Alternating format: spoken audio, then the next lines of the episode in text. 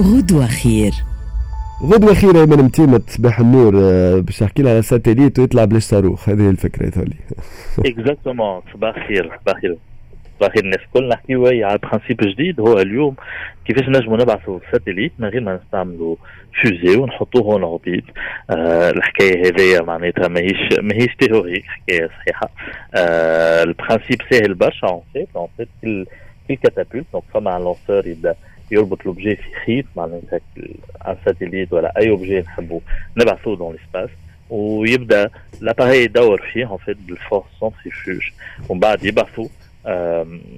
دان كو في ليسباس ا فيتيس كبيره et l'expérience euh, expériences à un prototype pas mal d'expériences à